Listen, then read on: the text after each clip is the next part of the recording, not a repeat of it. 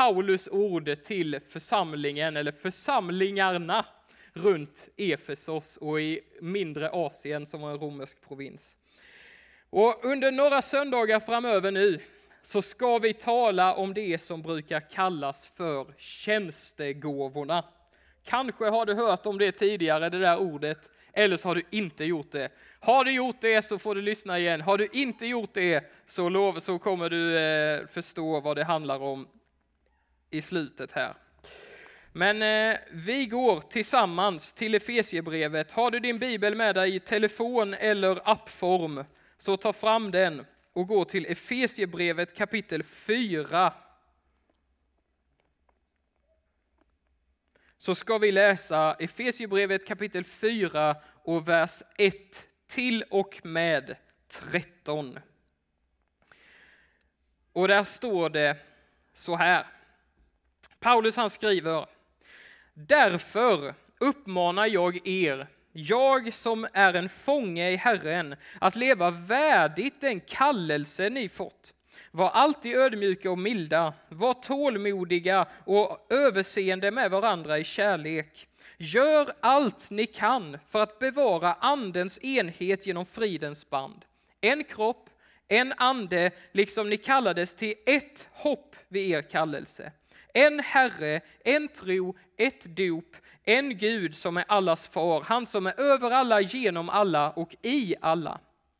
Men var och en av oss har fått nåden så som Kristus fördelade gåvan.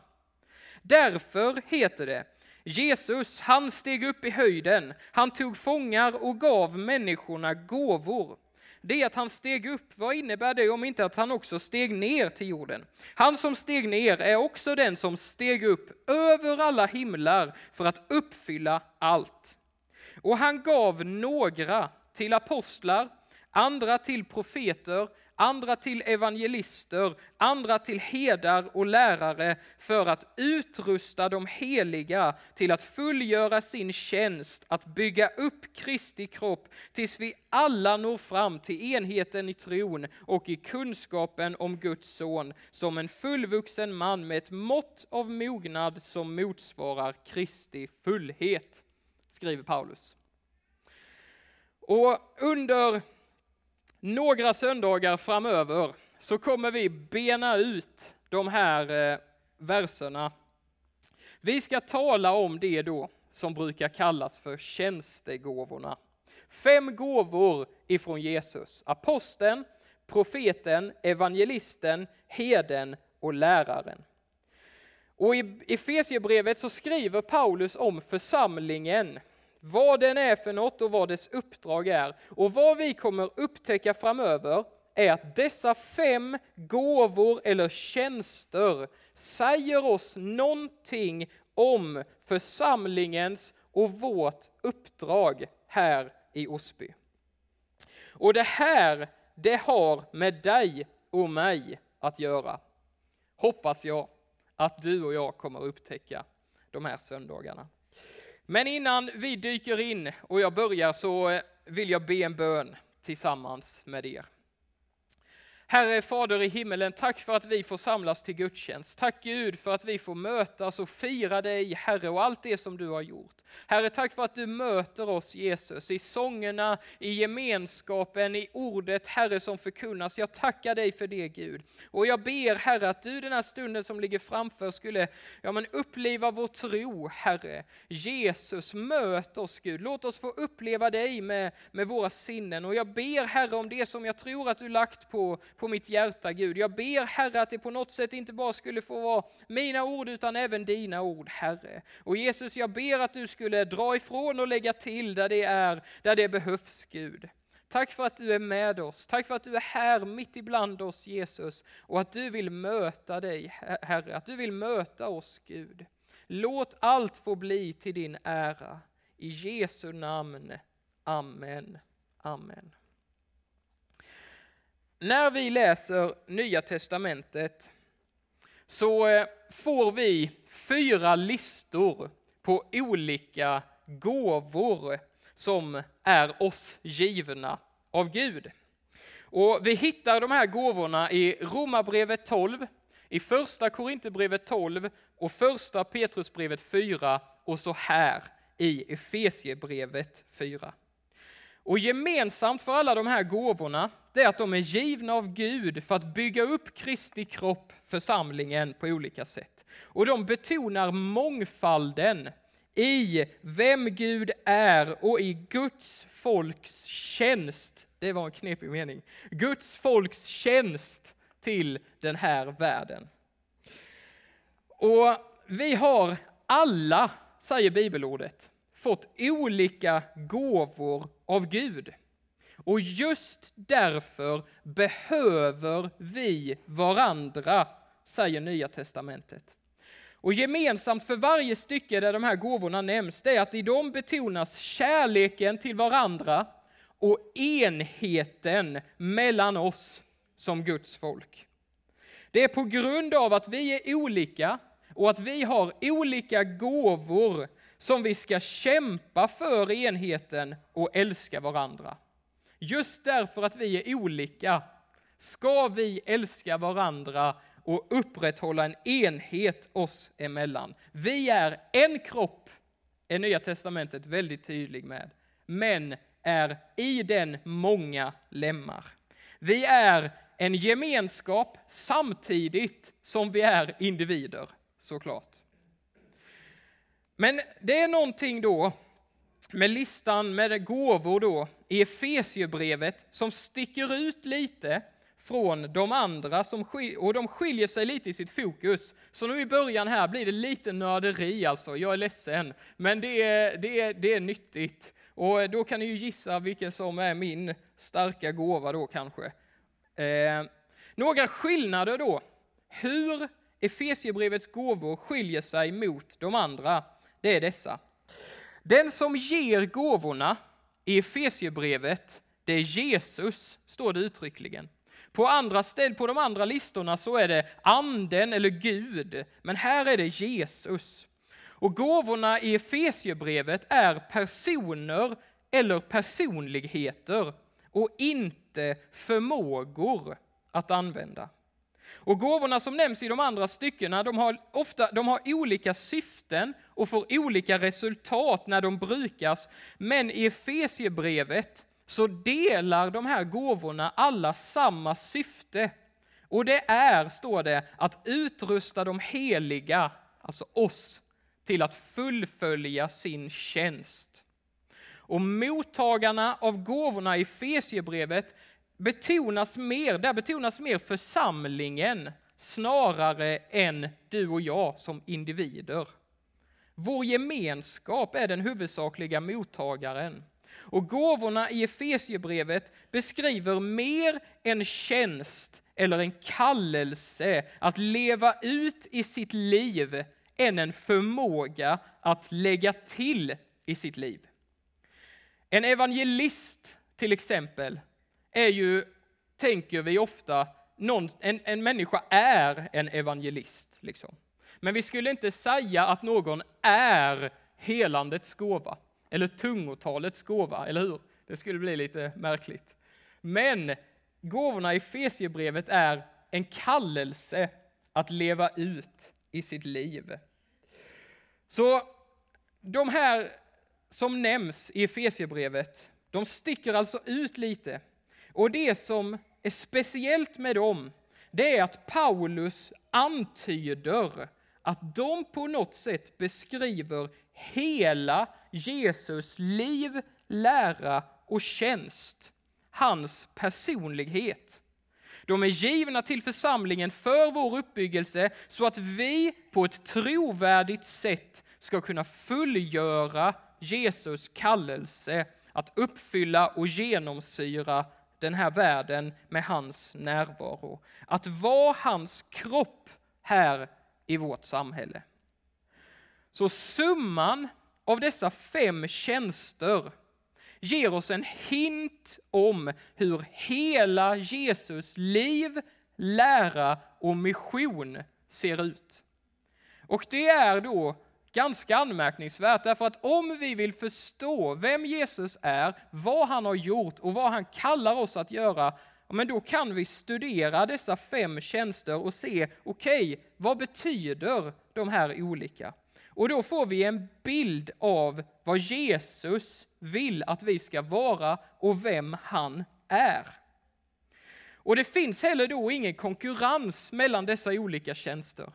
Ibland i historien när vi ser tillbaka så har vi betonat vissa gåvor som viktigare och större än andra. Men det finns ingen, Paulus antyder inte någon hierarki liksom, eller någon gåva som viktigare än någon annan, utan alla behövs, betonar han snarare, för att vi ska kunna växa upp till Jesus fullhet. Och innan Paulus räknar upp de här gåvorna, som vi läste i första stycket, så talar han om enhet. Gör allt ni kan, säger han, för att bevara andens enhet genom fridens band. Han betonar enheten. Men Jesus har alltså portionerat ut sig själv till oss. Du har fått en portion av Jesus i ditt liv. Han har satt sitt fingeravtryck på dig så att vi tillsammans ska kunna fullfölja hans mission till den här världen. Och om det då är så att de här gåvorna säger oss någonting om Jesus, så säger de också oss någonting om vad som är församlingens uppdrag, vårt uppdrag. Så det vi ska göra framöver då är tanken att vi ska gå igenom var och en av dessa gåvor en tid framöver. Och vi ska se på då, vad säger de om Jesus, om vad han har gjort för oss, och vad säger de om församlingen och vårt uppdrag, och vi ska prata om hur dessa gåvor och tjänster kan ta sig uttryck i ditt liv. Och vi ska börja med aposteln. Och ordet apostel, jag vet inte om du har tänkt på det någon gång, men det är ju ett otroligt kristet ord, eller hur?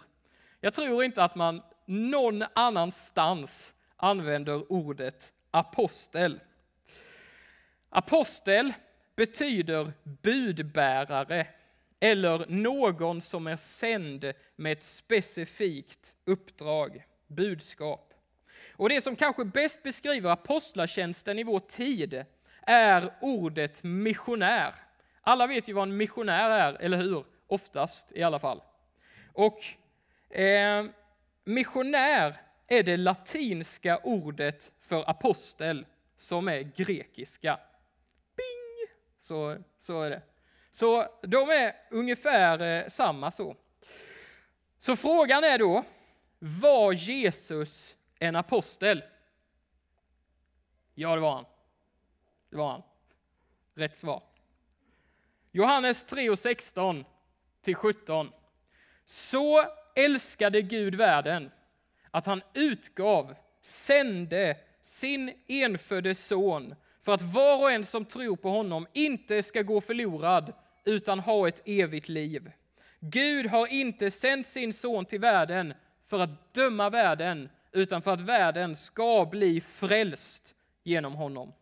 Superkänt, eller hur? Gud har sänt sin son till världen, apostello, för att frälsa världen. Hebreerbrevet 3 och 1. Därför, ni heliga bröder som har fått del av en himmelsk kallelse, se på Jesus, den apostel och överste präst som vi bekänner oss till. Jesus är Guds son som har sänts till oss med budskapet om frälsning. Jesus visar oss vem Gud är. Han förkroppsligar Gud och bjuder in oss till en gemenskap med honom. Och i Jesus så blir Gud människa och Gud blir begriplig för oss. Eller hur? Han är inte längre långt där borta, uppe på ett mål någonstans, utan han är här, mitt ibland oss. Och vi kan se på honom och förstå vem och hur Gud är. Gud blir människa och han hjälper oss att förstå Guds karaktär och plan för mänskligheten. I Jesus blev Guds ord kött och han hjälper oss förstå vem Fadern är.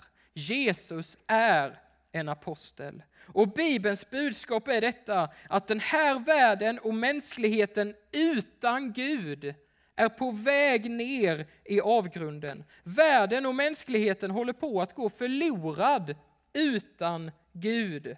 Men han var så mån om din och min räddning, frälsning, så att han sände sin son Jesus så att du och jag och alla på den här planeten ska kunna bli räddade. Så älskade Gud världen att han sände sin son så att var och en som tror på honom inte ska gå förlorad utan ha, få ett evigt liv.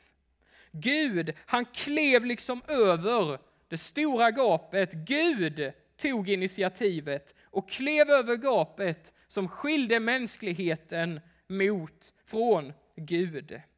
Och Jesus, han avsade liksom, säger Nya Testamentet, han avsade sig sin härlighet och en del av sin gudom liksom och kom hit ner och blev en människa. Aposteln offrar sin egen bekvämlighet för att ta Guds frälsningsbudskap till nya kulturer och nya människor. En riktigt apostolisk tankegång i Nya testamentet, det är just inkarnationen. Gud tar kropp i Jesus. Jesus gör Gud begriplig för oss. Och i första Johannesbrevet så inleder Johannes aposteln med att skriva så här. Det som var från begynnelsen, det vi har hört, det vi med egna ögon har sett, det vi har skådat och rört med med våra händer. Om detta vittnar vi livets ord. Livet har uppenbarats, vi har sett det och vittnar om det och förkunnar för er det eviga livet som var hos Fadern och som uppenbarades för oss. Gud inkarneras i Jesus. Han tar kropp, han går att se, att höra och röra. Jesus är en apostel och därför är församlingen kallad att vara apostolisk. Kanske har du hört ordet någon gång innan. Vi bekänner det i trosbekännelsen, en helig, allmännelig, apostolisk kyrka. I församlingen fortsätter inkarnationen. Vår gemenskap kallas gång på gång i Nya testamentet för Kristi kropp. Vi kan se den, ta på den, höra den. Jesus kropp här i världen, vi tillsammans. Vi gör, är kallade att göra Jesus begriplig för vår omgivning. Församlingen är apostolisk och vi är också sända av Jesus som hans budbärare. Som Fadern har sänt mig sänder jag er, säger Jesus till sina lärjungar innan han åker upp till himlen. Och den som kanske bäst hjälper oss då att förstå apostlatjänsten, det är Paulus. Paulus var en apostel. Och i Apostlagärningarna läser vi om Paulus åkte från plats till plats för att dit han kom göra evangeliet känt och begripligt för människorna som bodde där. Han var en missionär, utsänd att korsa gränser, kulturella, geografiska, språkliga och liksom sociologiska för att plantera evangeliet på nya platser, eller hur? Det är ju apostlagärningarnas berättelse. Och han startade nya gemenskaper av troende, nya församlingar på platserna dit han kom. Och detta läser vi om, det var hans största passion. Det var det som drev honom, det var hans liv. liksom. Att göra evangeliet känt.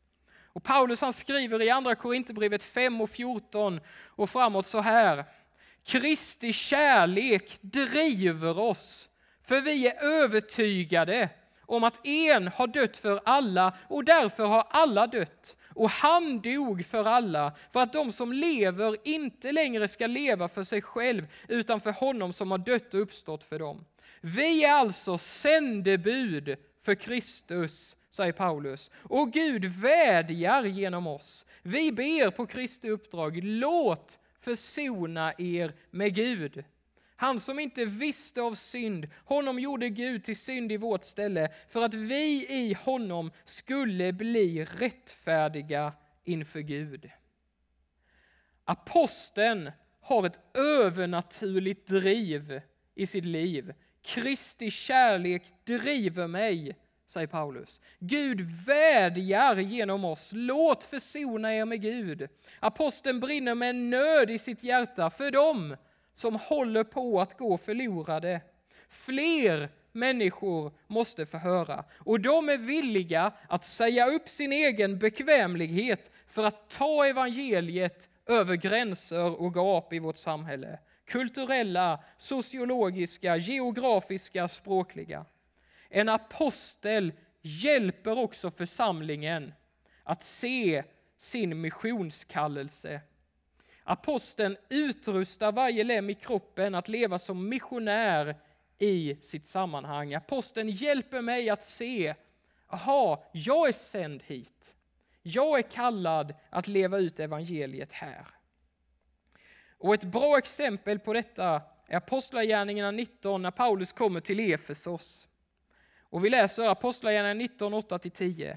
Paulus gick till synagogan. Han förkunnade frimodigt under tre månaders tid. Han samtalade med dem och försökte övertyga dem om det som hör till Guds rike. Men några förhärdade sig och ville inte tro utan talade illa om vägen inför hela församlingen. Då lämnade han dem och tog lärjungarna med sig och höll sedan samtal varje dag i Tyrannus hörsal. Detta pågick under två års tid tills alla som bodde i Asien, judar och greker, fick höra Herrens ord. Om vi bara stannar här och funderar lite tillsammans så är detta ganska anmärkningsvärt och säger oss någonting om apostelns tjänst. Genom Paulus undervisning i Tyrannus hörsal fick alla, står det, som bodde i den romerska provinsen Asien höra Herrens ord. Alltså det rör sig om flera miljoner människor i, ett, i liksom östra Turkiet mindre Asien. Alla fick möjlighet att höra evangeliet. Hur gick det till när Paulus uppenbarligen stannade på samma ställe hela tiden? Facebook, kanske. Troligtvis inte, men det kan troligtvis är det så att Paulus undervisade lärjungarna i Efesos att leva som missionärer i sin vardag och på det sättet tog de evangeliet ut till varje plats i det här området. Så att varje människa fick möjlighet att höra de goda nyheterna om Jesus. Det mest troliga är att det inte var Paulus själv som predikade för alla dessa miljoner, utan det var lärjungarna som lyssnade och som sen tog budskapet med sig och vidare. Paulus utrustade varje lem i kroppen i Efesos att leva som missionärer i sin vardag, i sitt sammanhang. Och det är det aposteln gör. Det ingår i dens tjänst. Och församlingen är apostolisk vi som gemenskap är kallade att plantera evangeliet på nya platser, att utrusta oss, vi, så att vi kan leva som Jesus utsända i vår vardag. Vi är kallade att plantera nya församlingar, nya Jesusgemenskaper. Jesus uppdrag till världens ände, det gäller oss. Det gäller dig och mig och vår gemenskap. Vi kan inte, lär oss aposteln, bara bry oss om oss själva och vår gemenskap. Därför att så länge människor håller på att gå förlorade så är det vår apostoliska plikt att predika evangeliet för nya människor på nya platser. Och därför är detta vårt uppdrag. Om vi vill leva ut hela Jesu liv, lära och mission så räcker det inte med att vi fokuserar på Osby Endast Osby är inte vårt uppdrag. Jesus lär oss detta. I Markus kapitel 1, vers 35 och 38 så, så har Jesus han har precis börjat sin offentliga tjänst, sitt, sitt uppdrag. Liksom. Han befinner sig i Kapernaum. Och dagen innan så har många människor blivit helade, botade, blivit befriade och kommit till tro på Jesus. Han har haft en ganska framgångsrik dag i liksom sin tjänst. Så. Eh, och säg då att du har startat ett arbete på en plats och det blir, det liksom blir som smash hit. Massor av människor blir berörda, blir botade, får uppleva Jesus och så vidare. Och min första tanke då, tänker jag, det är att här ska vi stanna. Här ska vi fortsätta arbetet, för här är det riktigt framgångsrikt.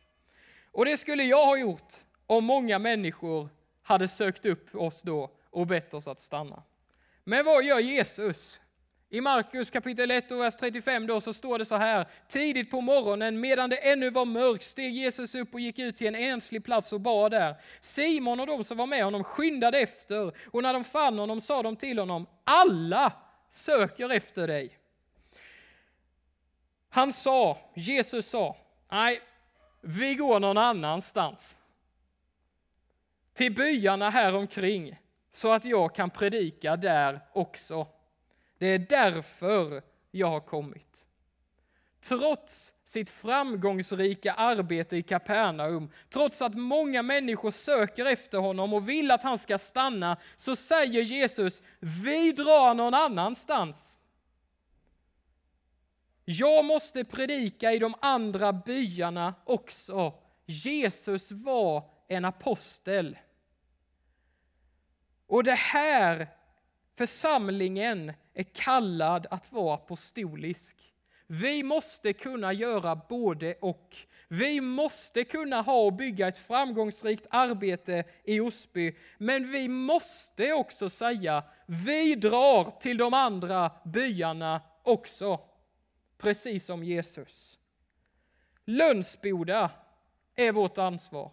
Glimåkra, Killeberg, Knislinge, Markaryd. Vi drar till de andra byarna också. Därför att så länge det inte finns människor som inte har hört evangeliet är vi som gemenskap kallade att sända iväg missionärer till varje plats för att genomsyra vårt område med budskapet om Jesus. Och kanske är du en av dem. Därför att Jesus har satt sitt fingeravtryck på dig, gett dig en del av sitt liv och sin personlighet och kanske lutar du åt det apostoliska hållet. Kanske är det så Jesus liv tar sig uttryck i ditt liv. Aposteln är den ibland oss som skapar rörelse, som ser till så att evangeliet kommer till nya platser och tar ansvar för att nya människor får höra om Jesus. Aposteln har ett fokus på Guds mission och påminner församlingen om dess uppdrag att göra lärjungar till, göra lärjungar till Jesus av alla folk, på alla platser. Aposteln är en pionjär och en entreprenör i Guds rike som reser upp nya pionjärer och entreprenörer. Aposteln skapar en skalbar organisation och gemenskap som ständigt kan ta emot nya lärjungar och få dem att växa i sin tro.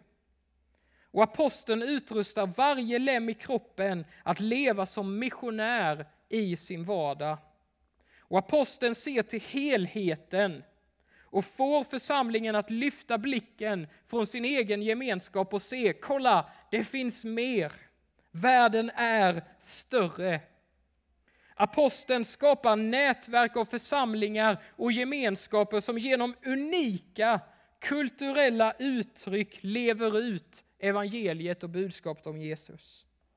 Aposteln upprätthåller och vaktar enheten trots olikheterna i dessa gemenskaper. Och när du läser det här så är det kanske någonting i dig som tänder till, som får dig att gå igång.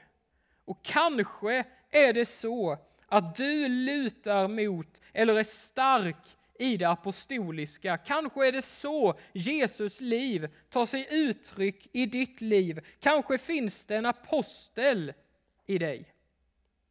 Eller kanske känner du bara, nej, det där är nog inte min uppgift alltså. Då är det okej. Okay. Men aposteln lär oss, och det är viktigt, du är trots det kallad att leva ett apostoliskt liv som sänd. Därför att Jesus bor i dig. Även om du inte är en apostel så är du sänd av Jesus till din vardag. Och församlingen, vår gemenskap, är apostolisk.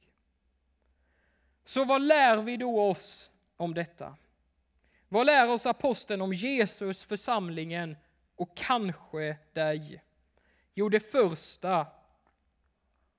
Gud vill inte att du ska gå förlorad. Han älskar dig passionerat. Han lämnar de 99 för att söka det hundrade. Gud går över gap, över gränser för att få tag på dig och ha gemenskap med dig. Så älskade Gud världen att han utgav sin enda son för att var och en som tror på honom inte ska gå förlorad utan ha evigt liv. Jesus avsade sin bekvämlighet i himlen. Han la ner sitt liv och han gav sitt liv för att du ska få leva och kunna uppleva frälsningen. Så mycket älskar han dig.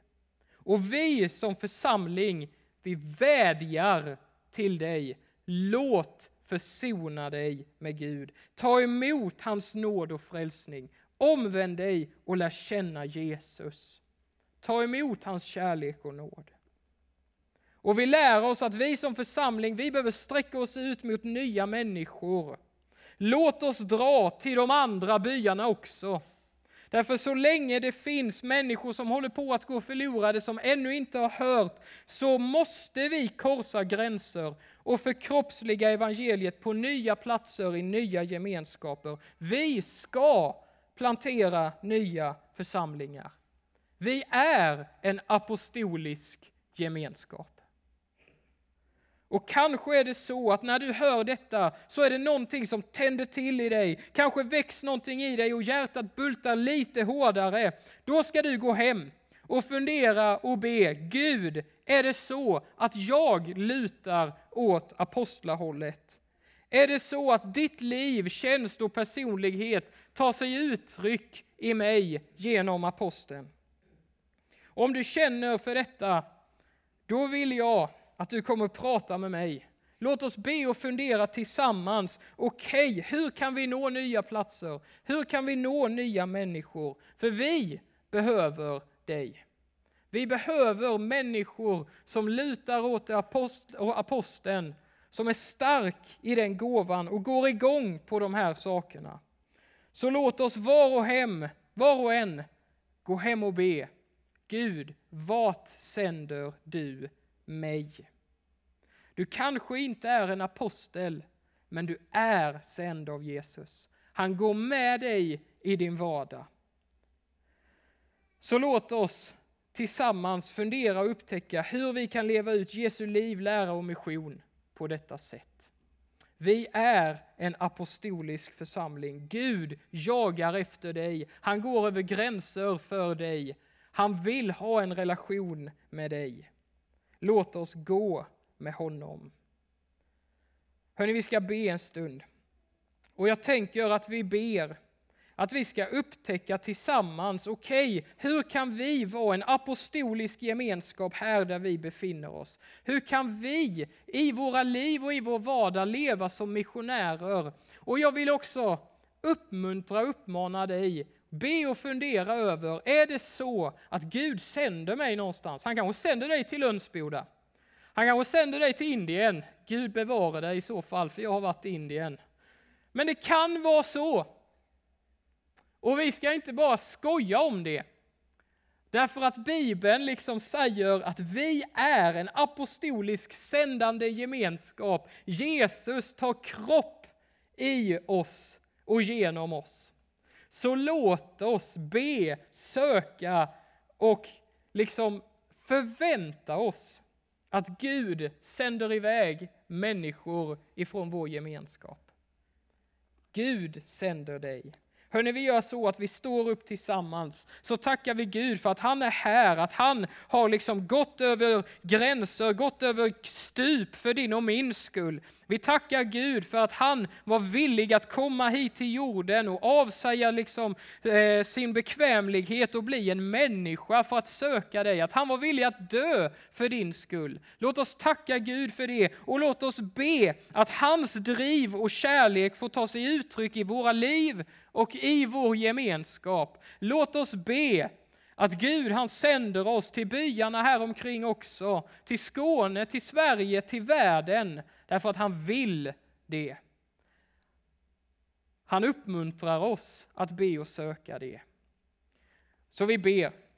Fader i himmelen, tack Gud för din stora gränslösa kärlek till oss, Herre. Tack Gud för att du inte vill att någon människa ska gå förlorad, att du inte vill att vi ska gå förlorade, Herre, utan att du var villig, Jesus, att komma hit ner till vår jord, att du var villig att avsäga dig din bekvämlighet i himlen, Jesus, och bli en människa som oss. Tack för att du var villig att dö för vår skull, så att vi ska få leva och få uppleva evigt liv. Jag tackar dig dig för det Gud. Herre, jag tackar dig för den kärlek som drev dig, Herre. Att du älskar oss så mycket Gud. Och jag ber Herre att vi här som är samlade, som lyssnar hemma och tittar hemma i soffan, att vi just nu bara skulle få uppleva en del av den kärleken Jesus. Jag ber om det Herre. Gör det Gud, låt oss få känna den, uppleva den, se den Herre. Och Gud, jag ber att den kärleken bara skulle få ta kropp i oss, Jesus. Att din närvaro skulle få ta kropp i oss, Herre.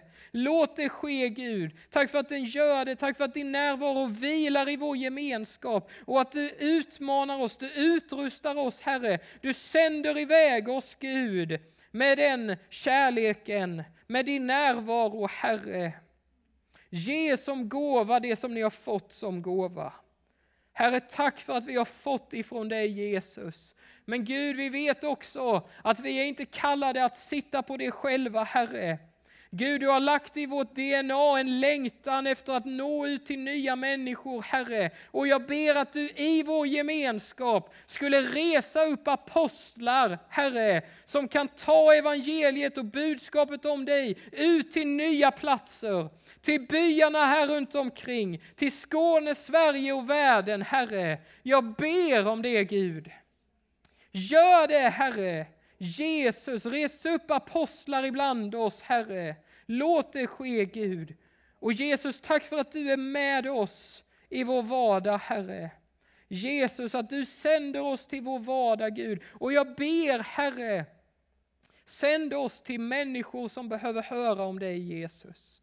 Sänd oss Gud till att vara till uppmuntran för många, Herre. Sänd oss Jesus att älska människor. Låt det ske Gud, låt det ske. Och Herre, du vet vad vi behöver. Du vet Jesus, vad vi har varit med om Gud. Du vet hur vår vecka har sett ut Jesus. Herre, jag ber möt oss, uppmuntra oss. Låt oss Gud få se din frälsning och din kärlek, Herre. Ta kropp ibland oss Gud. Ta kropp ibland oss, Herre.